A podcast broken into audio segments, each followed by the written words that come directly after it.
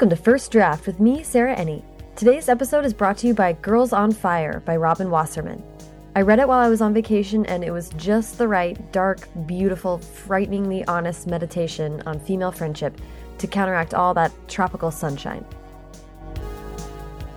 Today, I'm talking to Dhonielle Clayton, whose newest YA novel, New York Times bestselling The Belles, is out now.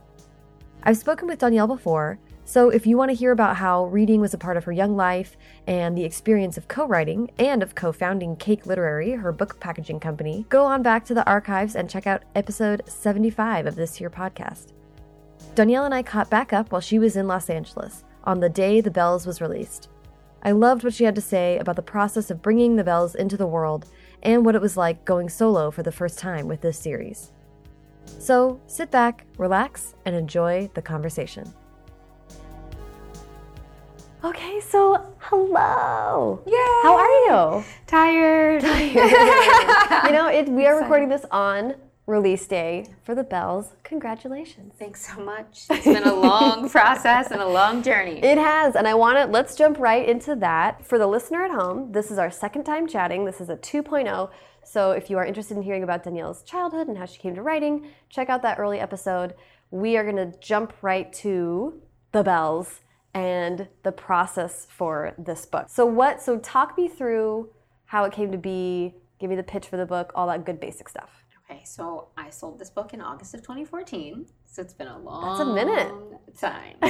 and I've been pitching it as Scott Westerfeld's Uglies meets Marie Antoinette's court. It's set in a mm-hmm. world where everyone's born sort of looking gross and degenerative. But there are these women called the Belles that can change you down to your bones for the right price.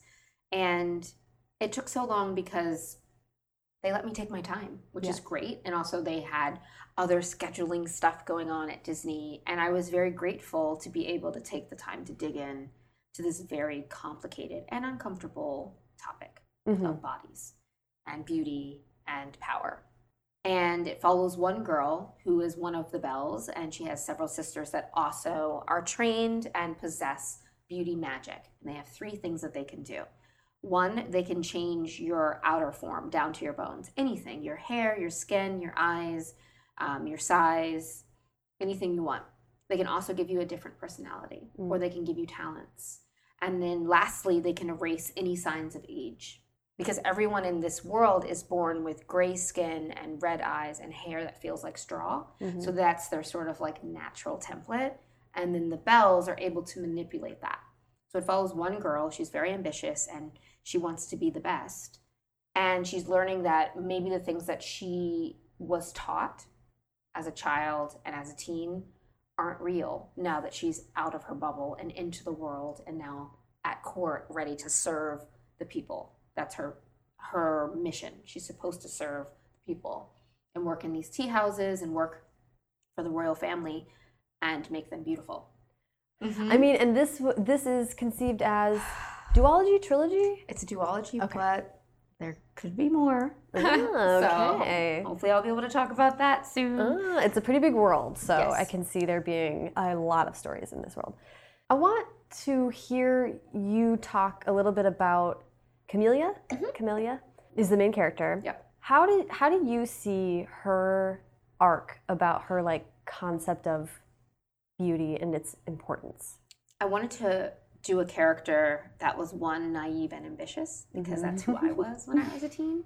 I just wanted to take over the world and I wanted to do all of these things. And then when you start learning about what the real world has, it starts crumbling that facade that you sort of had in your head. And she was taught that she is a descendant of the goddess of beauty and that she is sort of a revered being in this world here to perform a duty. And what she starts to find out and through her character arc is that everything that glitters isn't gold and everything that she was taught isn't actually 100% true. And I think that when we are teens, we believe the things that our parents tell us and we are programmed. And then as we step away from them and in the world, it starts sort of conflicting with that. Yeah. And that's what I wanted to dig into with her. I'm relating a lot to being naive and ambitious. Mm-hmm. And also, I think I was raised to sort of buy into the idea of a meritocracy, Yes. which is like, I, I think every day I, is still shattering for me a lot. And in this world, it's money, much like our world now, Mhm. and how it relates to power and beauty and our concept of what those things are, and how they're oddly conflated with like purity and so anyway. Niceness, yeah. Mhm. Yes, niceness. A lot. The fact that, that they can change temperament is so interesting to me too. Right. And I don't want to get it. I'm like, I'm we can't spoil. talk Yeah. too much without spoiling, so I'm going to try to dance around that. But um, oh, well, first thing is you lived in Paris and Japan, Yep. and I feel like I could tell. Yes. I did. I was very lucky, and I lived in Paris during the first two years of Obama's presidency. I voted from over there, and it was like very awesome to see and be an American living outside of America while that was happening. And I've France is one of my favorite places in the world, Paris especially, even though Parisians can be grumpy. Um, and their concept of things that are beautiful, from food to clothes to the way that you keep your home, is very intricate, and it has thousands of years behind it, sort of traditions. Mhm. And I was fascinated by that and going to the Palace of Versailles and seeing all of that decadence. I was really, really into it. And then I taught in Japan. I taught English in a small town. And I was only there for like six months or so. It was a short teaching gig. And I was also fascinated about what they consider to be beautiful, Mhm. how they organize their homes, how they eat their food, how everything looks so stunning. And I wanted to sort of put those two things together because those two cultures really take the art of beauty and make it a way of life. Mhm. And I wanted to use that sort of device and this world building. And then take a little bit of New Orleans, which has an interesting history with because of its the French roots and Mhm. and beauty there and sort of put them all together and Would- see what I came up with.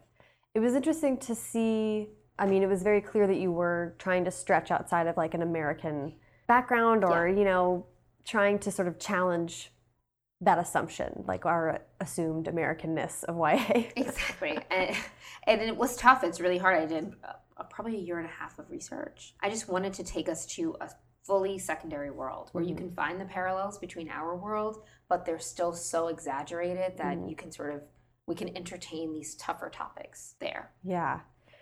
Um, and all the teacup stuff was so cute, and all the X. I was like, I took French, so I was like, ooh, these words. Yes, I and some of them do not translate correctly. I did that sort of on purpose, so Fine. just to see, just to play a it's a bit. fantasy novel. Exactly, it's not the real world. Exactly. And teacups are beautiful, and I have an obsession with teacups. Like I buy like vintage teacups, and Ooh. I have sort of mismatched teacups, which I love. And I thought, hmm, if I could put all of the little animals in a teacup, what would that look like? So that's where that came from. That's amazing. I love teacups. That's so you mentioned that when the people in this world are born that they look sort of terrifying. Mhm. And when we spoke last time, you mentioned that you enjoy having always a little bit of darkness to your books. And I mean the, these cre- these human creatures or whatever they are like they're like very freaky sounding. yeah. And I was like that's so interesting that this is a world where the inhabitants of this world that's their natural form, but even they are like repulsed by themselves. Right. I don't know where that came from, honestly. I just thought, like, what would what would a base template look like if people were like clay people, right? Mhm. What would that look like, and how could we shape and change bodies if we were all born looking a certain way? hmm And that way was deemed hideous. So I thought, okay, having gray skin, because I didn't want to also alienate anyone who I didn't want to pick a color. Right. And I did that on purpose. I made sure that I didn't take the beauty standards in our world and recreate them in that world because I don't think you can actually have a real conversation when you do that. Mhm. And you alienate people who are already traumatized by those beauty standards in the real world. Mhm. So I wanted to do something different. So I picked the color gray. I've never seen someone with gray skin. And I thought it would parallel well to sort of the fairy tale aspect of it Mhm. and gray skies and storms and Yeah. things that are sort of morally gray. So I did that on purpose. And then red the red eyes just sort of like blood. I just thought it would be creepy. It is creepy, and And- also no one's born with that I know of is Right. born with bright red eyes and gray skin and straw hair. It's like, ah, Yeah, they look like clay literal clay people. oh, So I wanted it to be sort of gross and mhm. scary.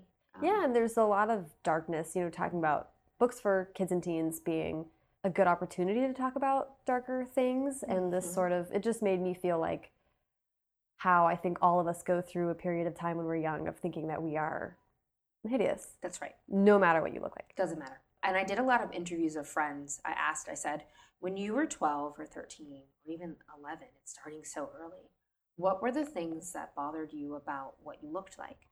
And the girls would always bring up, I had really bad acne, or I didn't know how to do my hair, or clothes never fit me correctly. I felt uncomfortable in my body. And it was the same things over and over again. And I thought, whoa, every woman, every person, I think, wrestles with these questions of Am I beautiful? Am I attractive? How do other people see me? Am I treated differently based on where I fall in the hierarchy of beauty? Yeah. Because I felt like when we were in middle school, things started shifting. People who were pretty or didn't have the acne or knew how to just had a natural knack for Mm-hmm. pulling themselves together started to rise Mhm. in power. And I wanted to talk about that because I don't understand it. Yeah. Even as an adult, I don't understand it. You walk into a room and you look around and you sort of you size everyone up. Yeah. We do that, and I don't know where that programming comes from. Yeah. I mean, it comes from all sides. Right. And I think, you know, we have to be honest that part of it is like a survival thing. Like Mhm. we are picking up things to help us contextualize the world around us. So, in theory, it's meant to help us move through the world. But now that survival instinct is misapplied Exactly. in these ways that are really damaging. And scary and frightening. And now people, especially teens, are willing to do terrible things to their bodies in order to chase something that isn't real. And that's why I wanted to sort of exaggerate it hmm and make it so that when kids are reading it, they're like, this, why would you want to do that to your body? Exactly. But everybody wants to do that. hmm And then sort of digging into those darker questions. Yeah. Because I don't trust myself. If I was in that world, I would probably change myself if I had the money. I would try on different looks like hats. And it's a sad realization. Yeah. I would. I feel like we would be dishonest to think that you wouldn't. Yeah. You know? If it was that know. easy and readily available. Yeah. Just even for a day, you're like, if you had enough money to try it out and change it back. I mean, right. Why wouldn't you? I talk to my friends a lot about like, what if you could be a guy for one day? Like, what would you do? Just right? like, what would it be? What do you think you'd wake up understanding suddenly? And then what kind of power would you have as you move through spaces? Will people move for you? Do people listen to you more? Like those things, these invisible things that happen based on our outside shell. My friend Elissa Sussman is a fellow YA writer, and she was like, I think I'd get Reddit. Yeah. it's like I'd wake up and I would read Reddit and it would be different somehow. right. You it would click. You'd be like, I now understand it all. oh. I get it. uh, like a secret language. yes. Um, so okay, and and in our last conversation, which we were talking about the Belles and this concept, you said that I feel like people write from the age where they have arrested development, and you shared a story I think in the EW interview about your preteen years, literally cutting body parts Yep. out of magazines. You want to tell that story? sure. Um, I became obsessed with magazines when I was like 10, 11, and 12 because there was no internet yet. And you could get magazines at the public library because my parents were not into it. They were like, you can't have 17 magazine or Cosmo. There was too many like naughty things in those magazines. But I went to the library hmm and I took a lot of magazines home and I just became obsessive about it because I didn't realize that those bodies were photoshopped. I didn't realize that people actually do have pores on their legs and it's not like this like smooth color. Yep. I had no clue that everything was staged and good lighting. I think I thought that's what people looked like. Yep. So I just started cutting out pictures. They were like sort of things that I could attain or aspire to be hmm if only I did this to my hair, it would it would act, it would behave like this, and I would look like this girl in the magazine. Or if I just used enough apricot scrub from St. Ives, that old brand, the acne would go away, Yeah. and like I would have that beautiful poreless skin. Yeah. I bought into the lie, and I obsessed over it constantly, trying on all different kinds of things. I remember getting a gift certificate for Clinique. I was so into it. I was 13 or 14. I was in ninth grade. Yep. Went and got all these products. Oh, I'm going to cure my acne. Look, I got all the products. I washed my face, did all the creams. I woke up the next day covered in hives. And my dad was like, You're going to school. Your legs aren't broken. You're not bleeding. you were dumb and you thought if you put all that stuff on your face and I told you not to do that and you Oh, did it no. anyway, that that would solve everything. And now look at your face. It's all red and covered in hives, but here's a Benadryl and have a good day. Oh, Because we don't miss school in the Clayton household.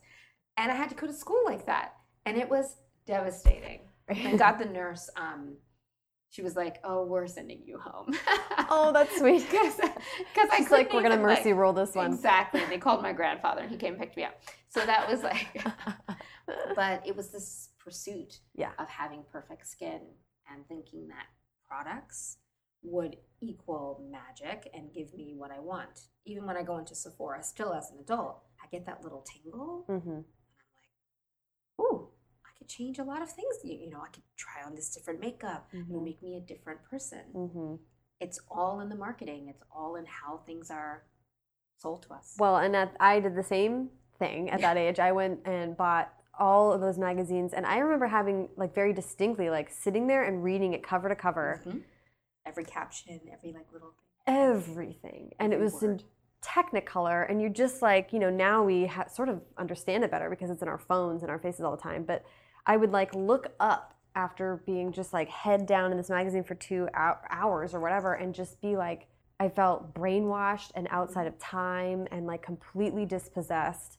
And I remember actively feeling so bad about myself that I think it was in ninth grade or tenth grade that I was like, it's the magazines that are doing this. Yep. And I cut myself off but once it's in there and i uh, struggled with like this is sort of similar but fashion i would just like i had no style and i didn't know and i would just buy things and wasted so much money because i was sure i'd be a different person Delia's catalog Oh and all of this.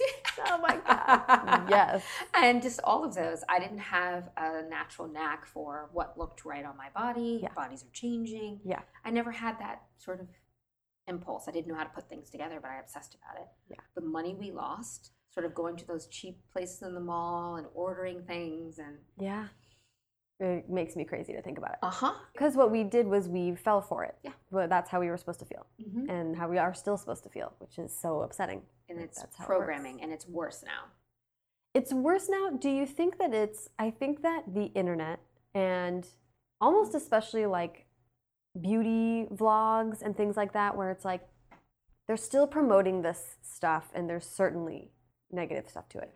But I feel like there is more acknowledgement now of airbrushing and understanding that things aren't as they seem. And I feel like there was no, we, we were pre internet, we were pre anything. I literally did look at that magazine and was like, that's just how they wake up. That's that's what they look like. The bed head is real. I remember sniffing them because they had the little perfume incense Mhm. inserts, and I'd be like, I just want to smell like that and look like this. I do think there's more awareness, but now it's even more media. So Yeah. then you've got the Instagram filters, and you've got all of this sort of preening and pruning and peacocking Mhm. online. Yes, they're they're open with it more, but people are still chasing this sort of idea of perfection. So much plastic surgery, so much alteration of bodies. We're still there. Well, great, good to know. We, um, it's terrifying, but it's real. Um, and books like this are at least like, I mean, this is part of it, like looking at it, pointing at it, talking about it. Yes. So it's very important. You know, you've been working on this book since 2014, and it's dealing with these very difficult, personal, emotional problems um, and issues, and like world. Pro- you know, I worry for girls generally. So, what was it like to be in that, in this world for so long when it's a little bit traumatic? It is difficult. It, it exhausts me to sort of write in the world because I'm always putting something personal in. It's narcissism, maybe therapy, but I write about things that have bothered me, and that's what I'm doing in each in this world and in these books. And I'm still bothered by it, so I haven't worked it out. So it Yeah. is like trauma and revisiting trauma, but I think that it's important. I put a dear reader letter at the end of the book so that people realize that this I know that the book is uncomfortable. It's supposed to be Mm-hmm. unsettling and dark and frustrating because this is what's real. This is what we need to talk about in our real world because we are torturing ourselves, especially girls, especially when they're 12 and 13 and they're figuring out, okay, now I have a woman's body or I'm on my way to a woman's body. What does this look like? Mm-hmm. Why do men talk to me in this way? Why do other women treat me in this way based on my body? hmm And I wanted to have those frank conversations. So it is exhausting. And it every draft and everything that I do in the world takes a pound of flesh because of it. How do you have you figured out a way to stay well while you're doing that? Yeah, I just have to take a lot of breaks. So Mhm. I'll go intense working on it and then I need two or three weeks off because it's hard. Yeah. It's hard to talk about this topic and these issues because it's not something that's solved. It's every day. Right. You think about it. Every time you walk into a room, every time you put on clothes, every time you see yourself without clothes on, Mm-hmm. you're thinking, ooh, a little bit chubby there. What can I do? You know? yeah, it didn't used to look like this. exactly. And then you see photos of yourself when you're younger and you're like, oh, can I get that arm back? You know, and it's sort of, and we have extreme diet culture and extreme beauty and diet culture. And those are associated with romantic love and friendship and all of the other stuff. and goodness, Right. which is Pretty people are supposed to be good Yeah. and ugly people are supposed to be bad. And then there's this thing in the middle. And it, it's the beauty myth and sort of how we organize societies around these things. Yeah. that is sort of exhausting and upsetting. Do you feel like it's worth it? I mean, you're moving on and potentially living more in this world. Do you think it's you still feel like you're doing the right work? Yes, I think it's super important because I think when I look at, fortunately, the election, Mm. I think about how certain candidates were, female candidates, were spoken about in terms of their appearance. And we still, as an American culture, need to deal with the patriarchy and misogyny and the fact that women's bodies literally are weaponized and used in various different ways. And women just can't win. Oh, she's ugly. Okay, so that means she's not smart. Or, oh, she's beautiful, but oh, she shouldn't be wearing those tight clothes. She's dumb. She's a slut. We still have these things that women are doing it to other women, Mhm. and then men are also doing it to women. So it's a trifecta of mess. Yeah. And we sort of have to we have to clean up our own house. So I wrote this book to be in conversation with other women hmm about how we cater to the patriarchy, how male influence shifts our community, but also we have to talk about how we treat each other hmm based on our outside selves. Yeah, yeah. It's almost it's it's so devastating to get deeper into it because you're like, at this point, though they do, men don't even have to do this work. They've built it so we're so airtight in this system of women doing it to each other. Like that's got to be the first step. It feels like. Exactly. Because if we don't figure, fix it as women, then we're looking to men to help us fix it. And whenever there's a power structure, the person that's most powerful doesn't have any stake or skin in the game to fix it. Right. We have to fix it as women. We have to make sure that we have each other's backs and we don't discount each other based on our outside selves Yeah. or weaponize words in order to tear other people down hmm that word. I remember just on the playground, the first word that comes out when there's a fight is you're ugly or you're fat. Yeah. It's all about that outside shell. Yeah. And they're the go to. It's the go to insult. hmm Uh, what's been distressing me about some people in our politics is that is the first go-to is the word beautiful Yeah. to describe like a military strategy. It's like this is a total misapplication. Like this Mhm. word has gone beyond whatever meaning it might have had. What does that say about your values? A lot. A but, lot. Um, but we don't have to cover that today. Um, so, okay, also, you have co written your previous books with Sona. Yay. Previously, in our last conversation, you said that Sona was a big focus on plots and that you were more character and world driven. So, going solo, how did you approach that? It was really hard. I did a lot of whining, but I have a great editor. Her name is Kieran Viola, and she writes under Kieran Scott. So Oh, yeah. she's written like 50 to 100 books. So under many different pen names. Yeah. So she's a plot queen. So I did have her, and then I would also just talk out to Sona a lot of my plots and have her pick holes in them. hmm And that was super helpful. But I was on my own and crying and whining the entire time. It's hard. Yeah. It's hard to, I mean, it's, there's step one is knowing what your strengths are. Yes. And then step two through infinity is like trying to trying so to hard. address the weaknesses, which is really challenging. yeah It still it still felt in this book though there's obviously a ton of plot. I was still like there's so much love in the world and there's so much love in the characters. But luckily that's like a, like it's so beautiful. It's so wonderful. You want to be in that place. So Right. And that's what I, I wanted to lure people in and say, Ooh, would you want to live here? Even though Mhm. there's not everything is that nice. But I'm lucky that I had an editor that was like, we're going to take all of your mess and we're going to organize it. and we're going to cut this and we're going to put this here. So, So let's talk a little bit about the process of Sure. the book. So at what point did Kieran Mm-hmm. did you bring her in? Did you sell it on proposal? Did she look at a first draft first? How did that go? oh, so I sold the book actually to Kieran's boss, Emily Meehan, who's the publisher of Disney. Her niece, who was like 12 or 11, read the proposal. But it was a proposal with like 200 pages. So it was Oh pretty long. wow. Okay. And she was like, Oh, you have to buy this. She's like, You have to buy this. And so that's how I got a book deal because a 12 year old told her that From it the was gonna- mouths of babes. Exactly. And then Kieran was hired maybe a year later, Mhm. and then she became my direct editor. And we just got in the trenches because I knew my worst part of my plotting process and writing process is what I call Act Two, Part Two, which is right before the climax going into Act Three. Mhm. That's when all my stuff falls apart. Mhm. And it's the place that I don't want to write.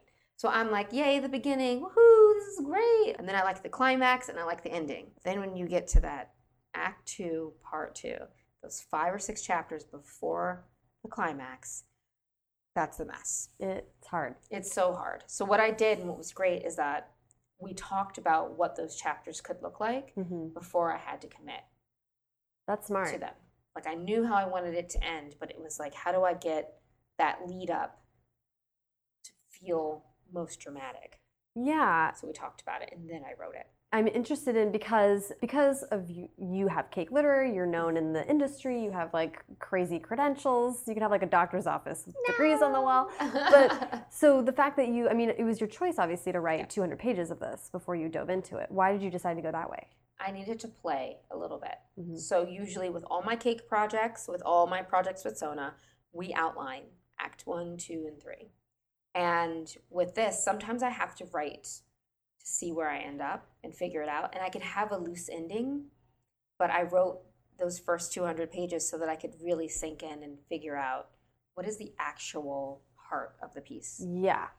But those 200 pages do not exist anymore. I wrote, rewrote them a thousand, thousand times. I was going to say, it sounds like, and I was just talking to a friend of mine about this because there's revision and there's revision. Yeah. And we were commiserating about how some people are like, well, I'm just going to take a week and then send it back. And we're like, what? My like dismantling. Yeah. And what I do, because Cynthia Leitich Smith, who's great, a wonderful writer, she writes a first draft and then she deletes it. Oh, I can't do that. But what I do is for every revision, I start over.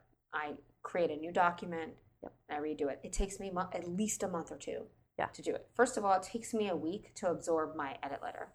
I don't read it for the first two days I get it, mhm. and then I print it out and I go through with a highlighter and I make lists. That's smart. hmm And I flag things. hmm And then I print out the full manuscript and then I start sort of flagging this chapter is going to be deleted, it'll be replaced with this. And I Mhm. sort of make a full storyboard, but I have to see the words. I don't like first drafting, I hate it, it's painful. I actually like the revision with the big R, hmm even if it's painful. And so I've rewritten, I rewrote the Belles probably two or three times Mhm. from page one until I got the right rhythm. That's similar to how I work for sure. Yeah. And even at one point with this other book that I wrote, I was like, I've rewritten this now two times, and what I need to do is that print it out, open a new document, and I just flip, the pages Yep. and typed it, even if it was word for word, because then it won't be word for word. Exactly. You clean it up as you go. That's right. You have this whole like physical experience of your book, and then you see where you're at. which is so nice, right? And then you're when you have the physical and you look down, you're like, I don't really need that scene. Really start trimming the fat. Yeah. Or saying this is flat. Mhm. And then you're like, okay, I won't use that one. And then you Yeah. replace it. But for me, I need a safety net. I need to be able to touch the manuscript and say, okay, I did this. This is my crutch. I printed out the last one and then never really looked at it. I just wanted to carry it around. Yes, I know. It's sometimes it's just nice. It makes you feel safe, yeah. Yeah. which is ridiculous. You're like, if something happens to my computer and it burns in a fire, I have it. I have this. It's hilarious. Um, That's so true. I do it too. Now I'm going to start tagging you and say I have my manuscript in my bag, but I'm not just, looking it just It's the baby to make me feel, yeah. Yeah. it's a little talisman. Mhm. Um, makes me feel better about myself. Oh, and that I did something. Mhm. Like I have an accomplishment in my bag. it's real. Mm-hmm. Yes, that's huge. Okay, let me let's talk a little bit about how cake and your work with cake has been sort of ongoing at the same time. Let's see how I wrote this question. You run a book packaging firm, Cake Literary.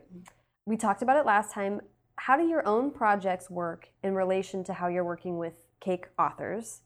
As far as selling, etc., like that, creatively, you work with the same agent, you have these sort of different kinds of relationship with editors. I'm just curious about how that, you being in the world of cake and you being Dhonielle the author, how do they coexist? It's a mess. no, it's a lot of me trying to stay organized, but I actually prefer working with writers than doing my own thing. Really? Now, it's pure laziness on my part. I'm just really tired. Um, but I love it because I have a lot of ideas, and that was always my problem. Mhm. Is that my manuscripts early on featured everything in the bathtub and the kitchen sink. And that was what my first agents would tell me. They're like, there's too much stuff in here. You have too many ideas. So now what I've started to do is just those ideas, I put them and hire other people to write them. Mhm. And then I try to make my idea as firmly rooted in something that bothers me as possible. So I can Oh. stay in my lane. So there's a prioritization of ideas as well. Yeah. And I mean, because Cake has been really, you guys are really forthcoming about the fact that you want to find the right writer for the right Yes. project, which wouldn't necessarily always be you. right. But you doesn't keep you from having ideas Right. for that kind of um, world or voice or theme. How do you think about that ideas? I mean, some must be kind of painful to give away. Yes, but I can't write everything, and I feel like it's part of my life's work to help launch other people and give them what I've gotten. I want people to be able to, if they don't have their own ideas, but they want to write, launch them into this space and show them a crash course in publishing. Mhm. Then they can find their own wings. So we're like the training wheels. And because I was a teacher and librarian for so long, I saw that there were so many missing stories. And I wanted to give mirrors and windows to the kids that I used to teach, Mhm. who used to come into my library. I can't write every story, and I'm not entitled to write every story because it's not mine. So I might have the idea, but I want to make sure that I give someone else the opportunity to execute it. And you're running a MFA and a publishing master's course while paying people. Right, exactly. So it's like a it's just like a crash course. Here's an idea, here's a plot, here's how you do this, here's how you write, just to open the door for more people because that's the problem is that it's been such a closed community for so long that unless you know someone or know how to do it, you can't break in.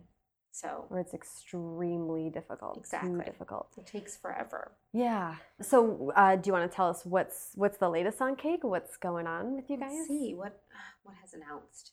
So we got to announce uh, Sona's solo debut. We're changing the title, so I don't know what the title is going to be, but it's basically like a Doogie Howser meets the Mindy Project. It's about a 16 year old genius doctor, little Indian girl Amazing. who gets to skip high school and go to college, and then now she's a resident at hospital, and she unfortunately is working in a pediatric oncology ward and she falls in love with one of her patients because she he doesn't realize that she's one of his doctors and she doesn't know how to tell him because she doesn't have those teenage skills because she skipped, Skipped. through them so it's really just Oh, like a funny sort of rom-com type of a book that's amazing. with a little sort of nerdy stem focused Mm-hmm.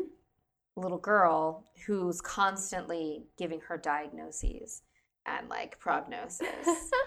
so um, it's really that. fun, and it's both of Sona's parents are doctors. I was going to say, it's, I think I off that. remember that. she has some experience exactly. this world. That's so that's really exciting. Um, we sold a book, which is probably the book of my heart, but I didn't write it. It's called The Trouble with Shooting Stars, and it's about a little girl who was in a car accident, so she has to stay home from school, and she has a lot of insomnia. It's in Staten Island, and a weird family moves in next door and she's always watching them through binoculars because she's like a little Harriet the spy. Mhm. She finds out that those people are called star sweeps and they're from Italy. And she's also Italian. And they take care of the moon and the constellations. And they go up to the sky every night and she's peeping at them and they finally catch her and they take her with them.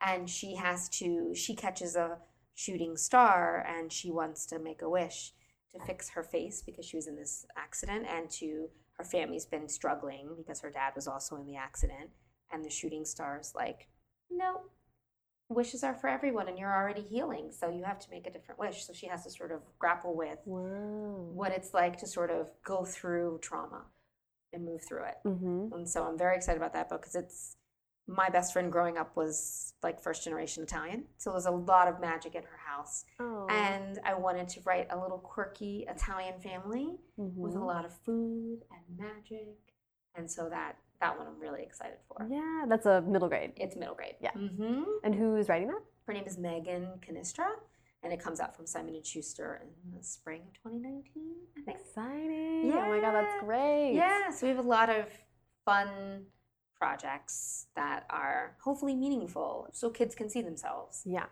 i just think it's super important to have a variety Yes. Huge. Well, I love that. yeah People can follow Cake on all of the things. all the things They're out in the world. Oh, and one last question, and then we'll go to advice. You said last time that I cannot write unless I'm actively reading constantly. Is that still the case? It is. I have to amend that and say also watching movies and TV Mhm. because I need to be interacting with story Mhm. to remind myself that stories are important and that stories can transport you. And when you're in that slog of a deadline, Mm-hmm. you're like, why am I doing this? This sucks. Why did I choose this life? Why can't I should have just been at a desk job doing Yeah. doing something else because it's super painful, especially if you write about yourself or you leave a little Yeah. bit of yourself behind. It can be so painful. So, yes, that is still true, but now I do watch a lot of TV and movies in order to bring that spark, that va va voom, because it gets lonely and annoying to you and your computer. And it's just, I'm Yeah. just like, I hate this. I can't see it. What? So, what are you reading or watching lately? I'm upset. I watch really bad TV. I'm embarrassed by it. So there are things that I watch just to veg out. Sister Wives on TLC. I'm very interested in polygamy. I watch that. It's garbage, but it's mine. It's very interesting. It's fascinating. Yeah. And it makes me question human relationships. yeah. So even though it's just a reality TV show, it's constantly feeding a question that I have about commitment and Mhm. love and men. So I'm watching that and I DVR it. I'm not ashamed. I love Outlander. It's my love My goodness. and I read that, I watch that, and I read it to talk about marriage and love and think about how relationships between people change Yeah. based on circumstances. That's a real like adult woman romance. Like I love that Mhm. book because it's like she's gonna just talk about it. That's right. it's not always right. And it's not always pretty. No. So I love that. And then what else am I watching? I'm a freeform junkie, so like Foster's, Mortal Instruments, Famous in Love. Can I say the Mortal Instruments brings so much joy to my It life. does. It's super cheesy, but I love so, it. So cheesy. Everyone's just being beautiful, just professionally gorgeous and walking. I'm like, who cares? Leather. It's the funniest show about wanting to be in New York, but clearly in LA. I'm just like, this is wonderful. It's so great. It really refills my well. Yeah. I just try to watch a bunch of different kinds of things. Yeah. It refills you because it distracts you too Yeah. from the hard stuff. And you can laugh and you can engage in something that has nothing to do with your book or your life. And it's a curiosity too. You can follow it down a rabbit hole. That's why I watch weird stuff. I just want to go down different rabbit holes and then it refreshes me for my task at hand. So I would love to. Re- you gave like incredible advice last Yeah. time, and a lot of it, which was amazing. But I'm just I'm wondering if you have anything that's been a more recent revelation for you, or something that's cemented for you recently that is advice you'd like to pass on. Um, I don't remember what I said last time, but something that I've been really thinking about is don't do the compare despair thing. Keep your eyes on your own paper. It's easier said than done. But in this industry, it's not a meritocracy, and there are many factors that go into why certain books do what they do, why certain authors get what they get. And I think it can really mess you up. if you're comparing and keeping like a score sheet Yeah. and sort of obsessing Yeah. over the things you can't change or control and all you can control is the writing so get your butt up get in the seat and write something and see what happens because that's all you can do and i think that right now that's what i'm sort of focused on i'm like okay what can i do all i can do is focus on my second book hmm and where I want to take the series, and I'm going to mind my business on all of the other business stuff, Mhm. distribution and reviews and all of that. I'm going to stay in my lane, and I think more. If I wish more writers were able to protect their creative muscle Yeah. in that way. I mean, I think this is why I'm a big fan of having an agent. And if you're going to go the traditional route, having someone who is literally there to create a firewall Yes, between you and the business stuff. because it can eat at your soul Yeah. and take you away from the page and make you think, "Why am I doing this? The business stuff, the numbers, Legal stuff. legal stuff." There's nothing less romantic or creatively energizing. than that. When someone's like, "Oh, you have to do your taxes," I'm like, "Oh man, oh, it's got to be a week when I'm not writing because I it literally destroys all sense of creativity." yes, that's when you watch Drag Race. You Exactly. do your taxes and you watch Drag Race. And sister wives, yes, that is fantastic advice. Um, good TV. Yeah. Thank you so much, Dhonielle. This is so lovely. Thanks for having me. Yay.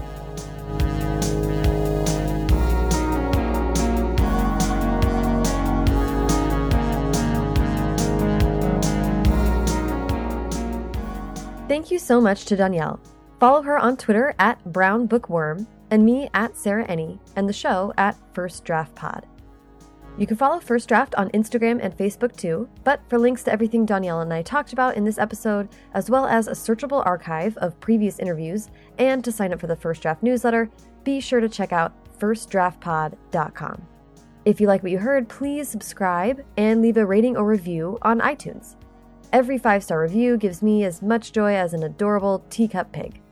Thanks to Hash Brown for the theme song, and to Colin Keith and Maureen Goo for the logos. Thanks to super intern Carter Elwood and transcriptionist at large Julie Anderson. And as ever, thanks to you, rebellious Glamazons, for listening.